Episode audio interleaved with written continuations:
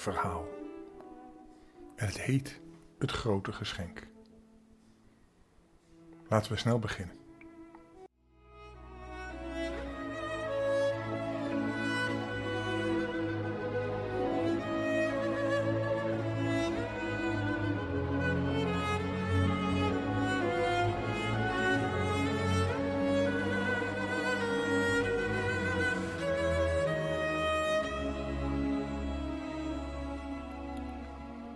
Het was een strenge, gure en vrede winter.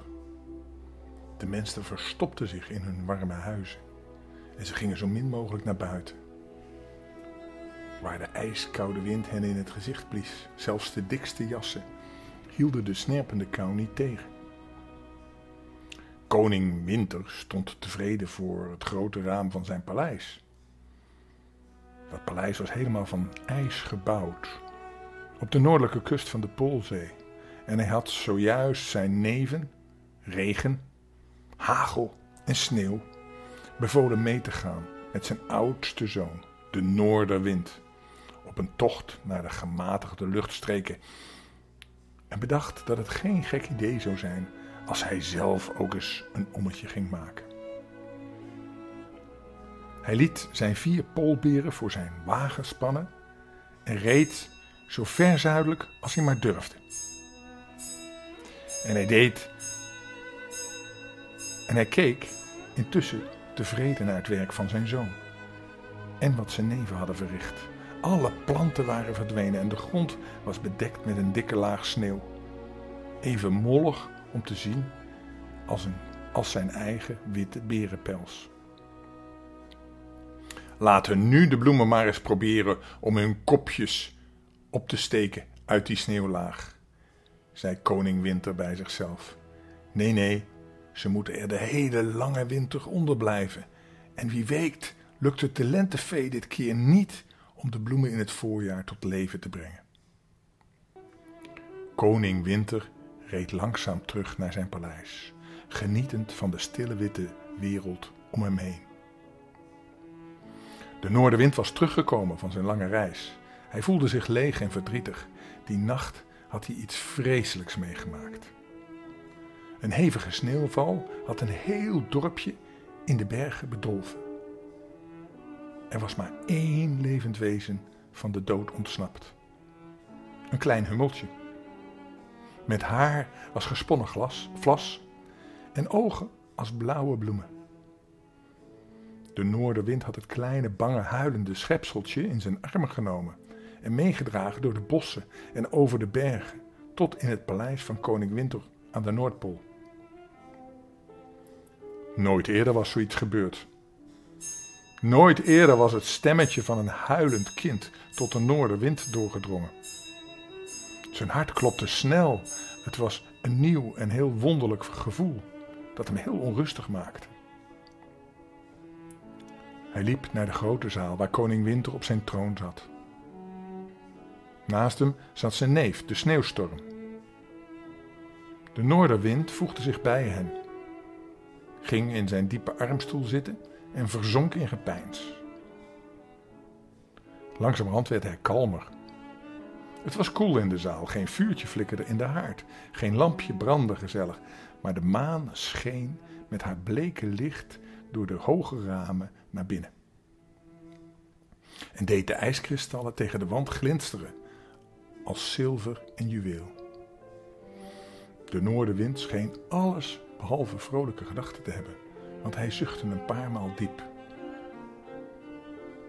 Toen hij zag dat de koning Winter en zijn neef, de sneeuwstorm, in slaap waren gevallen, stond hij op. En hij verliet zachtjes de zaal.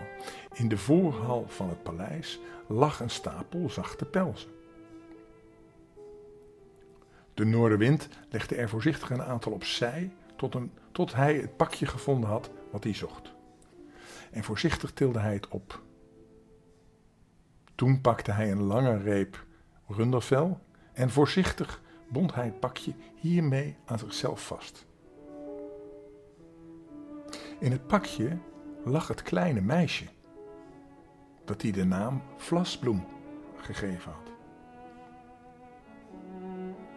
De Noorderwind begreep wel dat hij het kleine meisje onmogelijk bij zich kon houden in het rijk van zijn vader, koning Winter. Opdat niemand het kleine wezentje zou zien, had hij haar zo lang in de voorhal tussen de warme pelzen gelegd. En nu, nu had hij een oplossing gevonden voor het tere wezentje, dat hij veilig tegen zich aanbond. Met een enorme snelheid gleed de noordenwind in zuidelijke richting, langs de grond. Hij stopte niet voordat hij bij een kleine rivier was gekomen die door het, door het donkere bos stroomde. Hij was nu minstens 2000 kilometer van het paleis van koning Winter vandaan. En nu kon hij dus eventjes rusten. Hij hijgde van de inspanning. En voorzichtig trok hij een slip weg van de pels waarin Vlasbloem gewikkeld was. En hij keek naar het slapende kindje. Plotseling werd het hart van de noordenwind week. En hij verlangde om het lieve kleine kindje te kussen.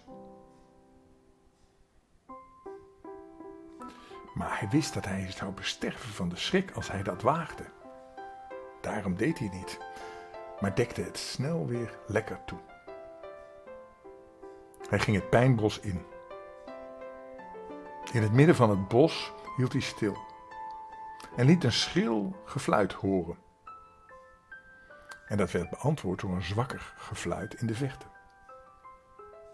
Onmiddellijk kwam er een kleine donkere man, gekleed in blauw fluweel, uit de duisternis van het bos tevoorschijn. Hij nam de baret met zijn grote paarse veer van zijn donkere krullen af, maakte een buiging voor de noordenwind en zei: Wat kan ik voor u doen, noordenwind? Ik wil graag je meester spreken, de goede Sint-Nicolaas. Is hij thuis? Zeker, hij is thuis. Welke boodschap moet ik hem brengen? Zeg hem dat de noordenwind, de zoon van koning Winter, hem graag wil spreken en hier op hem wacht.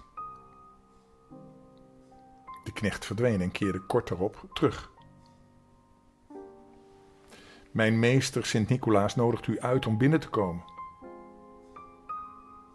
Maar hij verzoekt u heel vriendelijk te zijn en te denken aan de zachtmoedige hofgebruik. Die boodschap was niet nodig, zei de Noordenwind, want ik kom met en voor iets heel liefs. Nooit was ik vreedzamer gestemd dan op dit ogenblik. Oh, het spijt me, zei de donkere knecht zacht. U heeft de heilige meester wel eens een ander beeld van uzelf gegeven. Wilt u mij volgen? De noordenwind klemde de kleine vlasbloem met een teder gebaar tegen zich aan. En toen hij achter de knecht aan door het bos liep,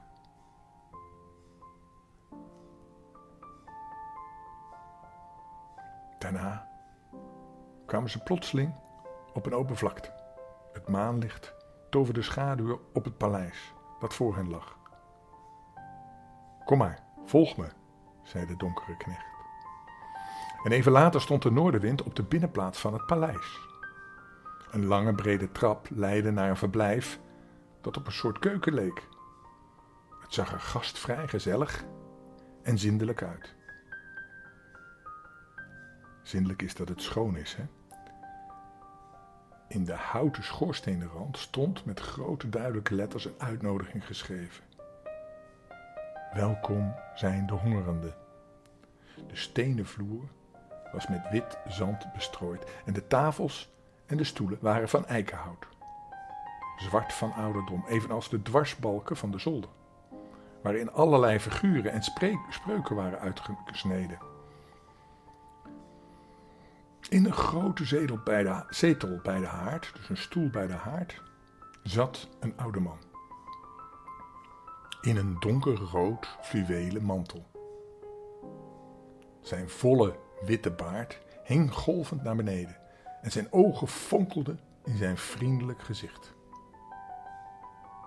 Dag Noorderwind, zei hij glimlachend, terwijl hij zijn mantel wat dichter om zich heen trok. Wat brengt jou hier toe om mijn vreedzame woning te betreden?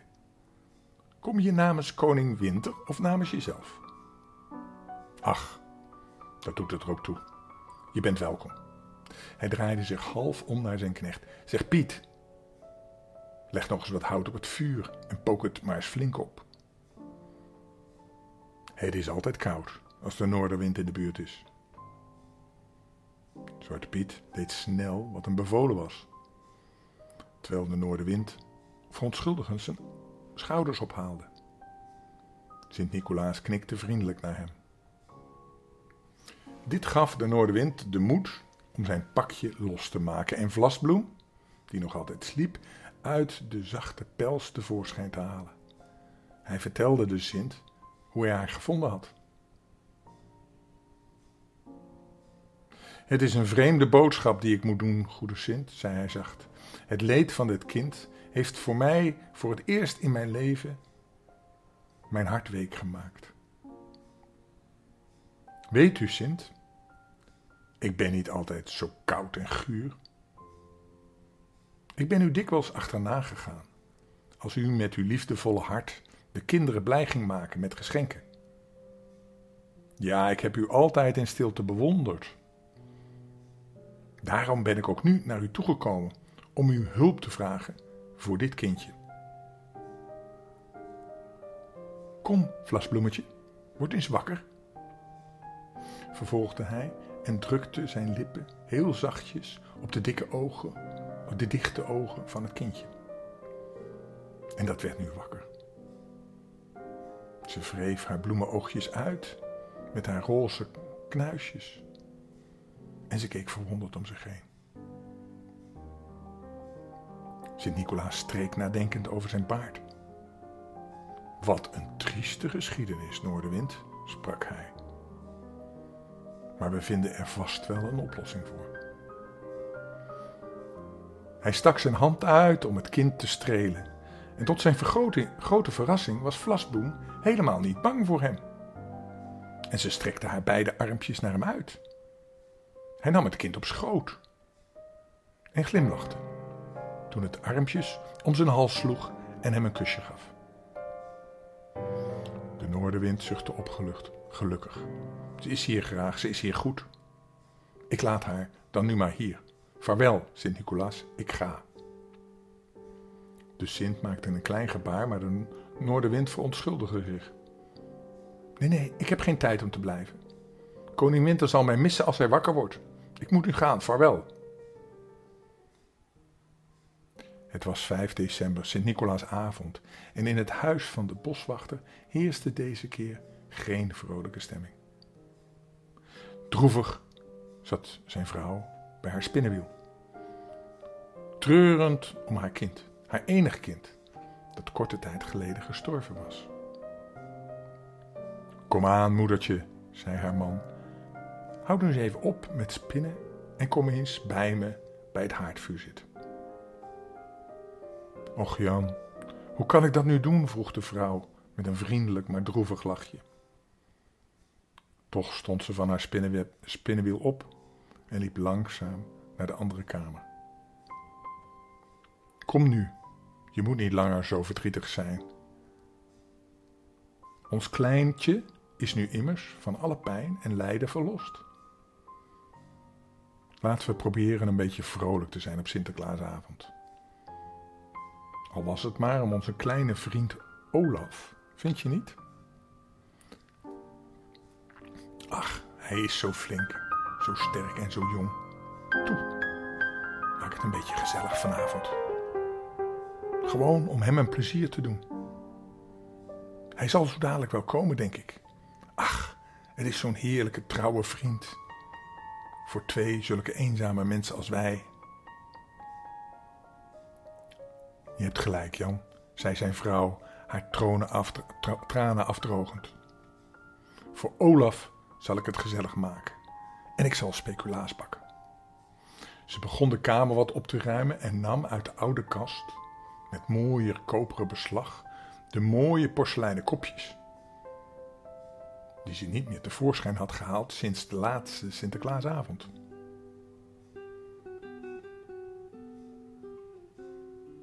En bij die vorige Sinterklaasavond was haar kindje er nog. Heel eenzaam en bedroefd zouden deze twee mensen het gehad hebben als Olaf, de zoon van hun buren, er niet geweest was. Als hij zingend van zijn werk terugkwam, weergalmde, weergalmde het bos van zijn jonge frisse stem. En de boswachter zei dat zijn werk hem altijd lichter viel als hij Olafs stem hoorde.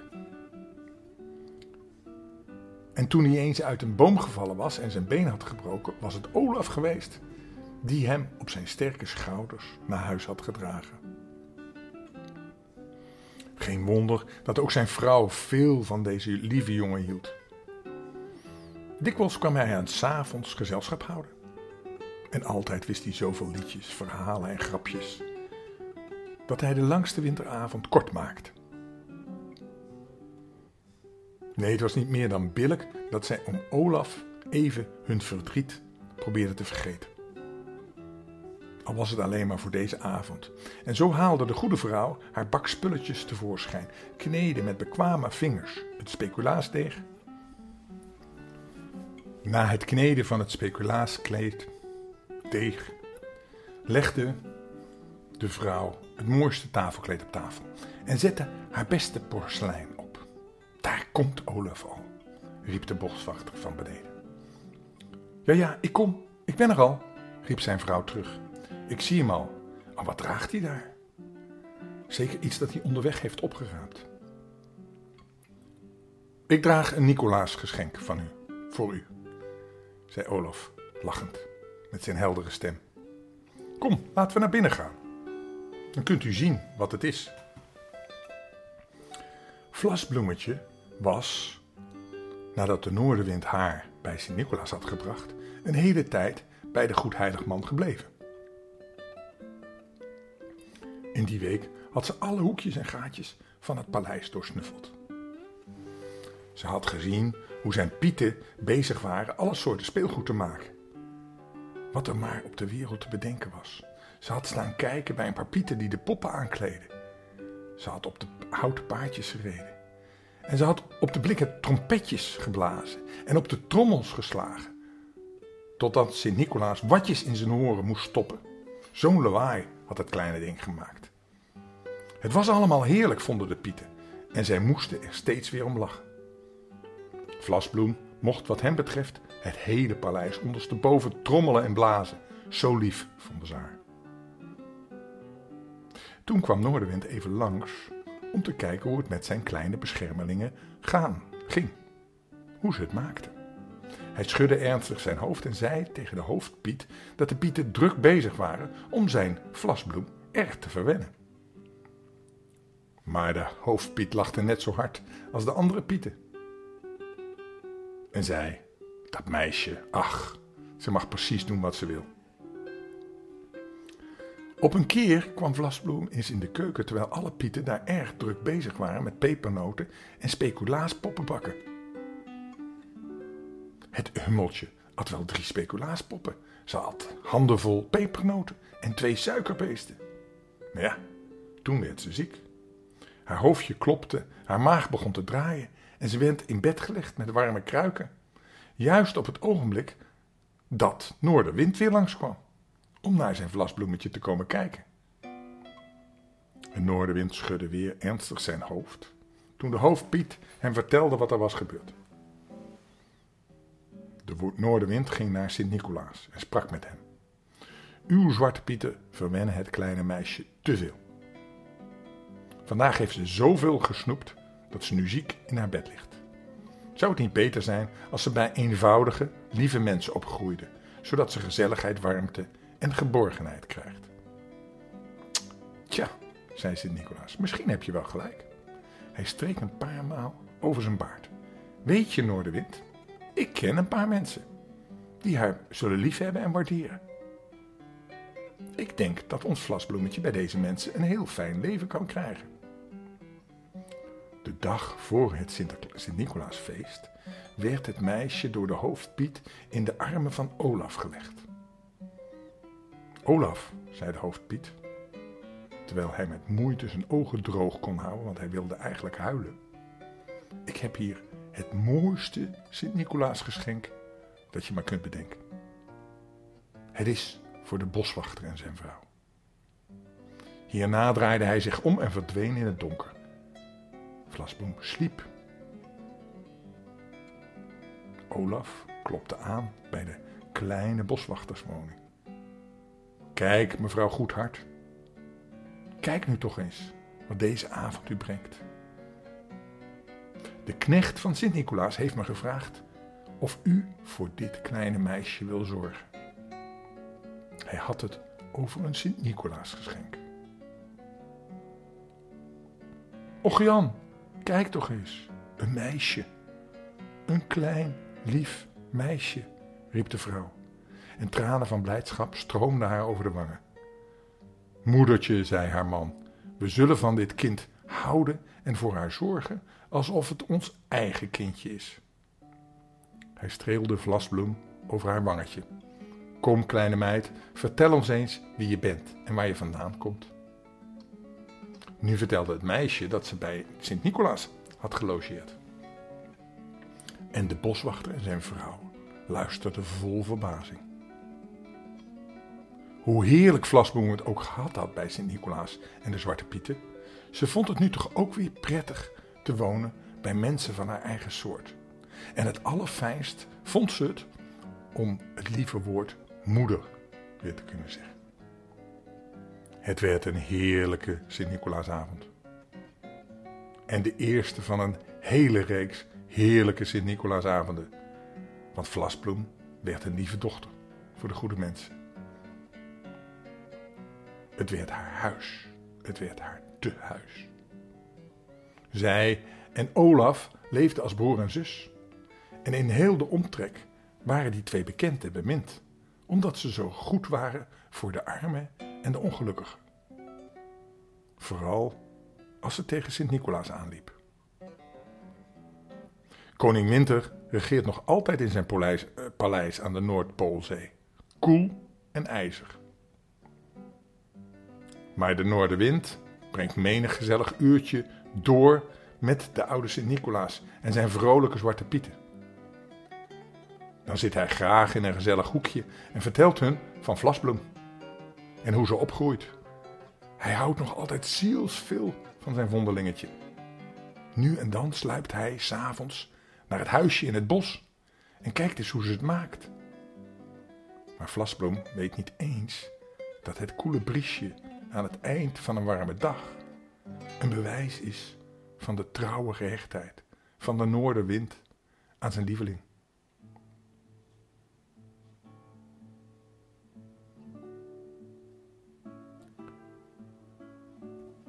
Dit is een mooi Sint-Nicolaas verhaal van Nienke van Hichtem.